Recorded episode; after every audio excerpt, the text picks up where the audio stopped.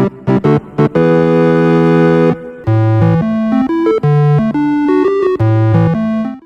Yazları garsonluk yapıyordum üniversitedeyken ama garsonluğun en alt mertebesinden başlamıştım. Yani Kadıköy'de herhangi bir kafede ya da pub'da falan garsonluk yapmak değildi benimkisi. Bir kasabada köfte salonunda çalışıyordum ve harbiden garsonlar arasında en saygı görmeyen gruptaydık biz. Garsonların içinde bile ötekileştirilmiş bir gruptu bizimki köftecide garsonluk yapanlar. Yani genelde kamyon şoförleri geliyordu oraya ve uzun yoldan böyle işte arada mola veren kamyon şoförleri falan orada mola veriyorlardı ve yani adamlar kafamıza böyle amına koyun bu pul biberin içinde pul biber yok amına koyun falan diye tuzluk falan fırlatıyorlardı kafamıza öyle muamele görüyorduk ve yani her hafta bir e, işte sakal tıraşı olurduk saçımız çok kısa olmalıydı ve üstümüze bir Lacoste yaka bir tişört giydiriyorlardı üstünde böyle o köfte salonunun adı yazan ve sen artık o sınıftan oluyordun yani neyse yazları her sabah oraya bir vidanjörcü gelirdi böyle işte aracı çeker logar kapağını kaldırır ve içindeki işte boku pisliği çekerdi oradan ve sonra işte oturur mercimek çorbası söyler. Ben de ona servis yaparken adamın her yanına yaklaştığında bir koku alıyordum. Adam yaptığı mesleği bir kostüm gibi üzerine giymişti adeta. Adam bok kokuyordu.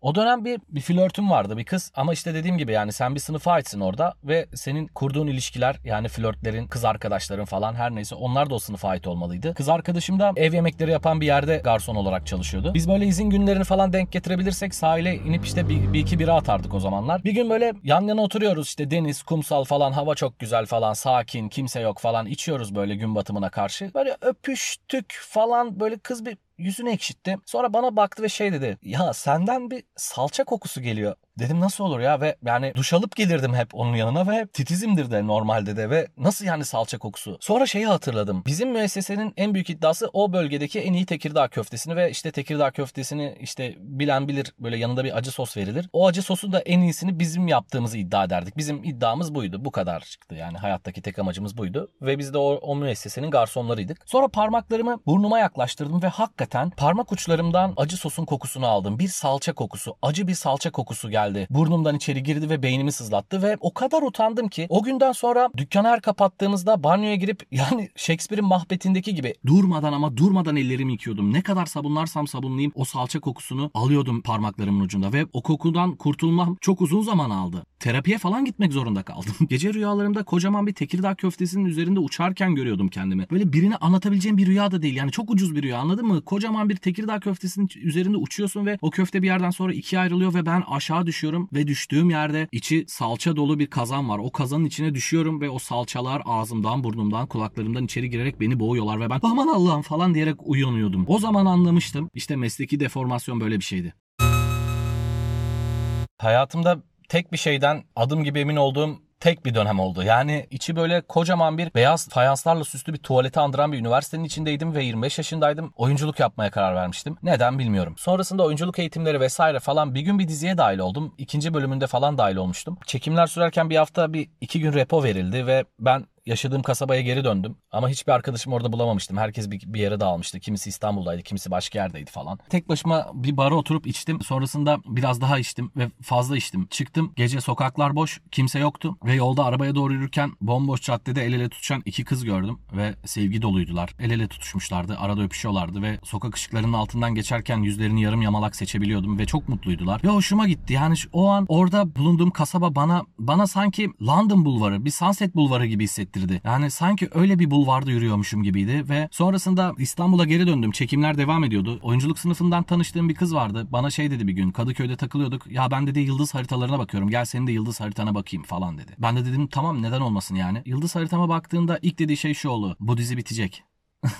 Ve o dizi bitti aman koyayım. Yani ben ikinci bölümünde dahil olmuştum ve beşinci bölümde dizi bitti. Zaten zaten başrolünde ikinci sınıf bir manken bir adam oynuyordu ve repliklerini Google Translate'ten bozma bir ses tonuyla okuyordu ve bitti dizi hakikaten. Ve sonrasında sonrasında bir down oldum. Bir düştüm ve kasabaya geri döndüm ve yine kimse yoktu. Arkadaşlarımı yine bulamadım. Onlar hala İstanbul'da orada buradalardı ve, ve ben bir akşam kafam çok bozukken arabayı alıp yine bir barda oturup içtim, içtim, içtim ve fazla içtim ve mekan kapandıktan sonra da içmeye devam etmek istedim ve havada tatlı bir esinti vardı gün döndüler. O burçaklar, tarlalar gözüme güzel gözükmüştü o pembelikte. Ve o tarlaların arasına arabayı çekip içmeye devam etmek istedim. Bir müzik açtım. Arabada içiyorum ve faça bir Şahin arkamdan selektör yaptı. Arabaya doğru yanaşlar ve o göt kadar arabanın içinden 8 tane erkek indi ve zil zurna sarhoşlardı. Hepsi sarhoştu. Ayakta duramıyorlardı. Bir tanesi böyle yalpalayarak yere düştü. Diğeri böyle ha ha ha diye gülerek böyle yandaki tarlaya işemeye başladı. Diğeri çıktı oradan dedi işte o benim dayımın tarlası falan sen nasıl işersin? Bak işte dayının evine işiyorum şu anda. Dayının ağzına işiyorum şu anda falan. Bir gerginlik var falan. Sonra bana selamun aleyküm aleyküm selam falan filan sohbete başladık. Ve beni tanıdılar. O oynadığım diziden beni tanıdılar ve 8 tane sarhoş erkekle burnundan sümükler akan, donları götlerinden düşen o erkeklerle kasa kasa Efes bira içmiş o adamlarla fotoğraf çektirdim ve benim de gözlerim kıpkırmızıydı. Ben de zil zurna sarhoştum. Sonra benim numaramı almak istediler. Arada içeriz abi falan filan diyerek. Küs olduğum bir arkadaşım vardı o dönem. Ona gıcıklık olsun diye onun numarasını verdim falan. Her neyse. Sonra o kasa biralardan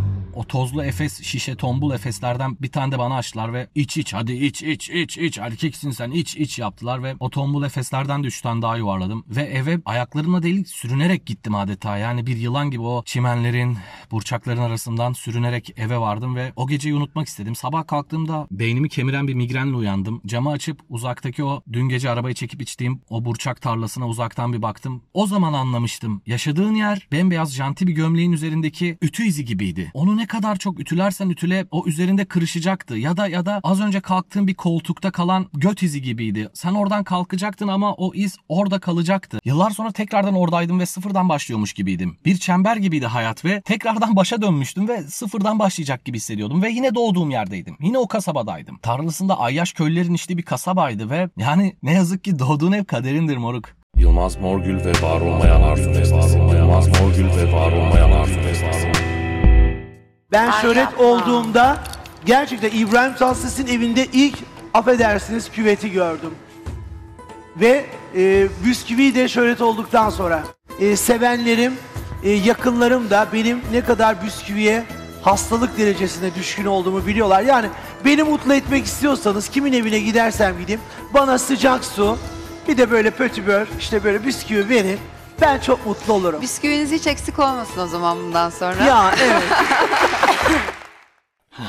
Bence bence spiritual havariler ya da misyonerler ya da işte adları her neyse kurtuluşu kurtuluşu onların öğretilerinde bulabiliriz. Kurtuluşu olmasa bile mutluluğu kesin buluruz. Ya mutluluk değilse bile en azından kıymetli hissederiz. En azından. Bence bence buna kendini kandırmak demeyelim. Buna kendini kayırmak diyelim. Çünkü onlara göre insan evrenin tepesinden bakıldığında rüzgarda savrulan bir buğday sapına benzemez. İnsan kaderini ta anne karnında kendi elleriyle çizmiştir. Uniktir yani. Benzersiz. Gökteki yıldızlar gibi birbirine benzemez insan. Yaşadığı coğrafyadan, iklimden bağımsızdır, özgürdür. Hangi dini, hangi mezhebi, hangi dili kullanmayı seçtiyse bu kelepçelerin hepsini kendi isteğiyle bileklerine kelepçelemiştir. Bütün acılar, bütün yoksunluklar o öyle istediği için öyle olmuştur hayatında. Müthiş, müthiş. Yılmaz Morgül bile böyle olumlamamıştı kendini. Burada, burada işin içine tek bildiğim Fransızca tabiri bulamaç edeceğim şimdi. Objet petit a. En amiyane çevirisiyle var olmayan arzu nesnesi. Yani yaşam denen anaforun içinde durmadan beyhude bir çabayla bir şeyler elde etmeye çabalıyoruz. Ama bütün başarılar maddi manevi hepsi bir yerden sonra yetersiz geliyor. Aşk olsun, para olsun, mevki olsun daha fazlasını isteriz olmaz. Olmaz hep bir eksik kalır anladın mı? Elde edilen her şey eksik ve kusurludur. Çağın filozofları der ki ki acayiptir bunu din alimleri yerine göre meczuplar da söyler. Bu Meksika çıkmazından tek kurtuluş insanın arzu nesnesini öldürmesidir. Tıpkı son Joker filmindeki gibi. Çünkü çünkü bence hiçbirimiz Yılmaz Morgül gibi o arzu nesnesini bir gün bir yerde elde ede- edemeyecek ya da elindekine şükredemeyecek. Yılmaz Morgül şükretmişti. Her misafirliğe gittiğinde evin sahibinden istediği bir ılık su, bir de bir parça varsa petibör derken belki de belki de o kadar büyük bir yokluktan gelmişti ki o arzu nesnesine ulaştığında şükretmesini bildi. Ama bilmiyoruz belki de dış, dışından şükretse de içten içe hep daha ılık bir su ve daha taze bir petibör arayışındaydı belki de bilemiyoruz bunu. Her gittiği misafirlikte içten içe belki de ya bu su yeterince ılık değil ya bu petibör biraz bayat mı falan diyordu belki de bilmiyorum. Ben kesinlikle taşak geçmiyorum. Buna inanmayı seçiyorum çünkü her şeyin çözümü bu gibi. Yoksa bir yere bağlanmıyor. Zaten yoksa finalde zaten mobilyalar gibi çürüyeceğiz zaten. Öleceğiz yani ölüm var ve okey. Aydınlanma. O aydınlanma cennetse okey. Ona da okeyim. Kabulüm. Ben seçtim. Ben hayattaki kayıplarımı, acılarımı, küçük küçük mutluluklarımı hepsini ben seçtim. Tabii ki de spiritual tanrılara ve tanrıçalara sarılacağım ve onların omuzlarında ağlayacağım. Tabii ki de. Çünkü ben özelim, özelim abi. Kimse kusura bakmasın. Macit sahip olamayacağı şeyler için asla acı çekmezdi. Ona bir gün bunu nasıl yaptığını sordum. Çünkü buna ihtiyacım vardı ve o da bana inci gibi dişleriyle gülümsedi. Dedi ki sen benim acı çekmediğimi nereden biliyorsun? E dedim yani çünkü sen hep neşeyle keman çalıyorsun ve, ve renkli renkli kazaklar giyiyorsun. İyi de dedi bu benim acı çekmediğim anlamına gelmez ki. Aksine ben acı çekmeyi çok severim. Ha siktir lan dedim. Sonra sonra o yüzünü güneşe döndü ve kemanıyla kederli bir ezgi çaldı. Gerçekten kederliydi. Biri, biri sanki ellerimle yüreğimi sıkıyor gibiydi. Yani zihnimde gökyüzünü örten gri bulutlar canlanmıştı. Hayatımdaki bütün kayıpları hatırlamıştım birden. Sonra dedi ki işte böyle. Acı çekmek sanattır. Tamam dedim hadi bırak şimdi tırıvırıyı. Şunu söyle sen sahip olamadığın şeylerle nasıl mücadele ediyorsun? Ben dedi asla mücadele etmem. Hatta dedi onların beni yenmesine izin veririm. Her acı tatlı bir kamp ateşi gibidir. Ben o ateşe girerim ve kül olana dek yanarım. Tamam dedim. Aman koyayım yani nasıl? Bana da öğret. Çünkü benim içimde gittikçe büyüyen bir boşluk var. Sonra Majit yerinden kalktı ve bana biraz çalı çırpı toplamamı söyledi. Bir cevizin altında bulduğum bütün çürük dalları ona getirdim. Onları bir araya topladık ve ateşe verdik. Alevlerin gölgesi boyumuzu aşana dek beklememizi söyledi bana. Sabırla bekledim. Sonra Majit dedi ki şimdi iyi izle. Bana bunu yapmayı babam öğretti. Ona da nenem öğretmiş. Sonra sakince alevlerin içine adım attı. Yürüdü ve ateşin içine girdi. Ayakları çoktan tutuşmuştu bile. Ve dedi ki gördün mü? Dedem Sayn nehrinde kıyıya vurduğunda Nenem onun yasını böyle tutmuş. Babam Paris'in sokakları burnunda tüttüğünde kendisi için bir ateş yakarmış. Kasbah'ın köylüleri 100 yıldır taş evlerinde bu ateşten yakıyorlar. Ben rahmetli anamı ne zaman hatırlasam bu ateşe girerim. İyi de canın hiç yanmıyor mu? Hem de nasıl? Ama işte kemiklerimi işleyince bir şeyim kalmayacak. Ateşin bir parçası olacağım. Acının içinden geçeceğim. Bak gör. Sonra karnı bir girdap gibi tüm bedeninin içine çekti ve Majit kor bir küreye dönüştü. Teninden esmer kabuklar parça parça alevlerin içine düşüyordu. Ve ben üzüldüm amına koyayım. Dedim ki Majit yani seni böyle görmek beni hüzünlendiriyor. Sen yakışıklı Majit'sin. Köyün kızları sana güzel yüzlü çocuk diyorlar. Herkes seni aşkla dinliyor. Sen çaldığın zaman bülbüller bile susuyorlar. İyi de dedi bunların benim için hiçbir önemi yok. Ben çalarsam sadece anamın hatırı için çalarım. Bu kadar. Sonra Majit bana döndü ve eriyen yüzündeki o kederi gördüm. Yüzüme esti bir meltemle. Bana Cezayir'i güzel hatırla derdi anam ama unuttum işte. İnsan memleketini yıldızlara çizemiyor. İnsan ne anasını ne de toprağını yıldızlara çizemiyor. Bunlar sahip olamayacağım şeyler listesine girer mi? Sanırım girer. Macit üzgünüm. Ve Macit bana eğri büğrü ağzıyla gülümsedi. Gamzeleri hala canlıydı. Dedim ki her şey bittiğinde ne olacak peki? O da bana küllerimden doğacağım dedi. Merak etme bunu defalarca yaptım. O akşamüstü eve dönerken asla sahip olamayacağım şeyleri düşündüm. O kadar çoktular ki hepsi için bir ateş yaksam çektiğim acı dayanılmaz olurdu. Belki de en iyisi Macit'in Macit'in dönmesini beklemeliydim. Belki o benim için de bir ateş yakar ve içinden geçerdi. O geçirgendi, ateşe karşı geçirgendi, canı yanmazdı onun. Öyle sevgiyle doluydu ki yüreği Macit kırmazdı beni.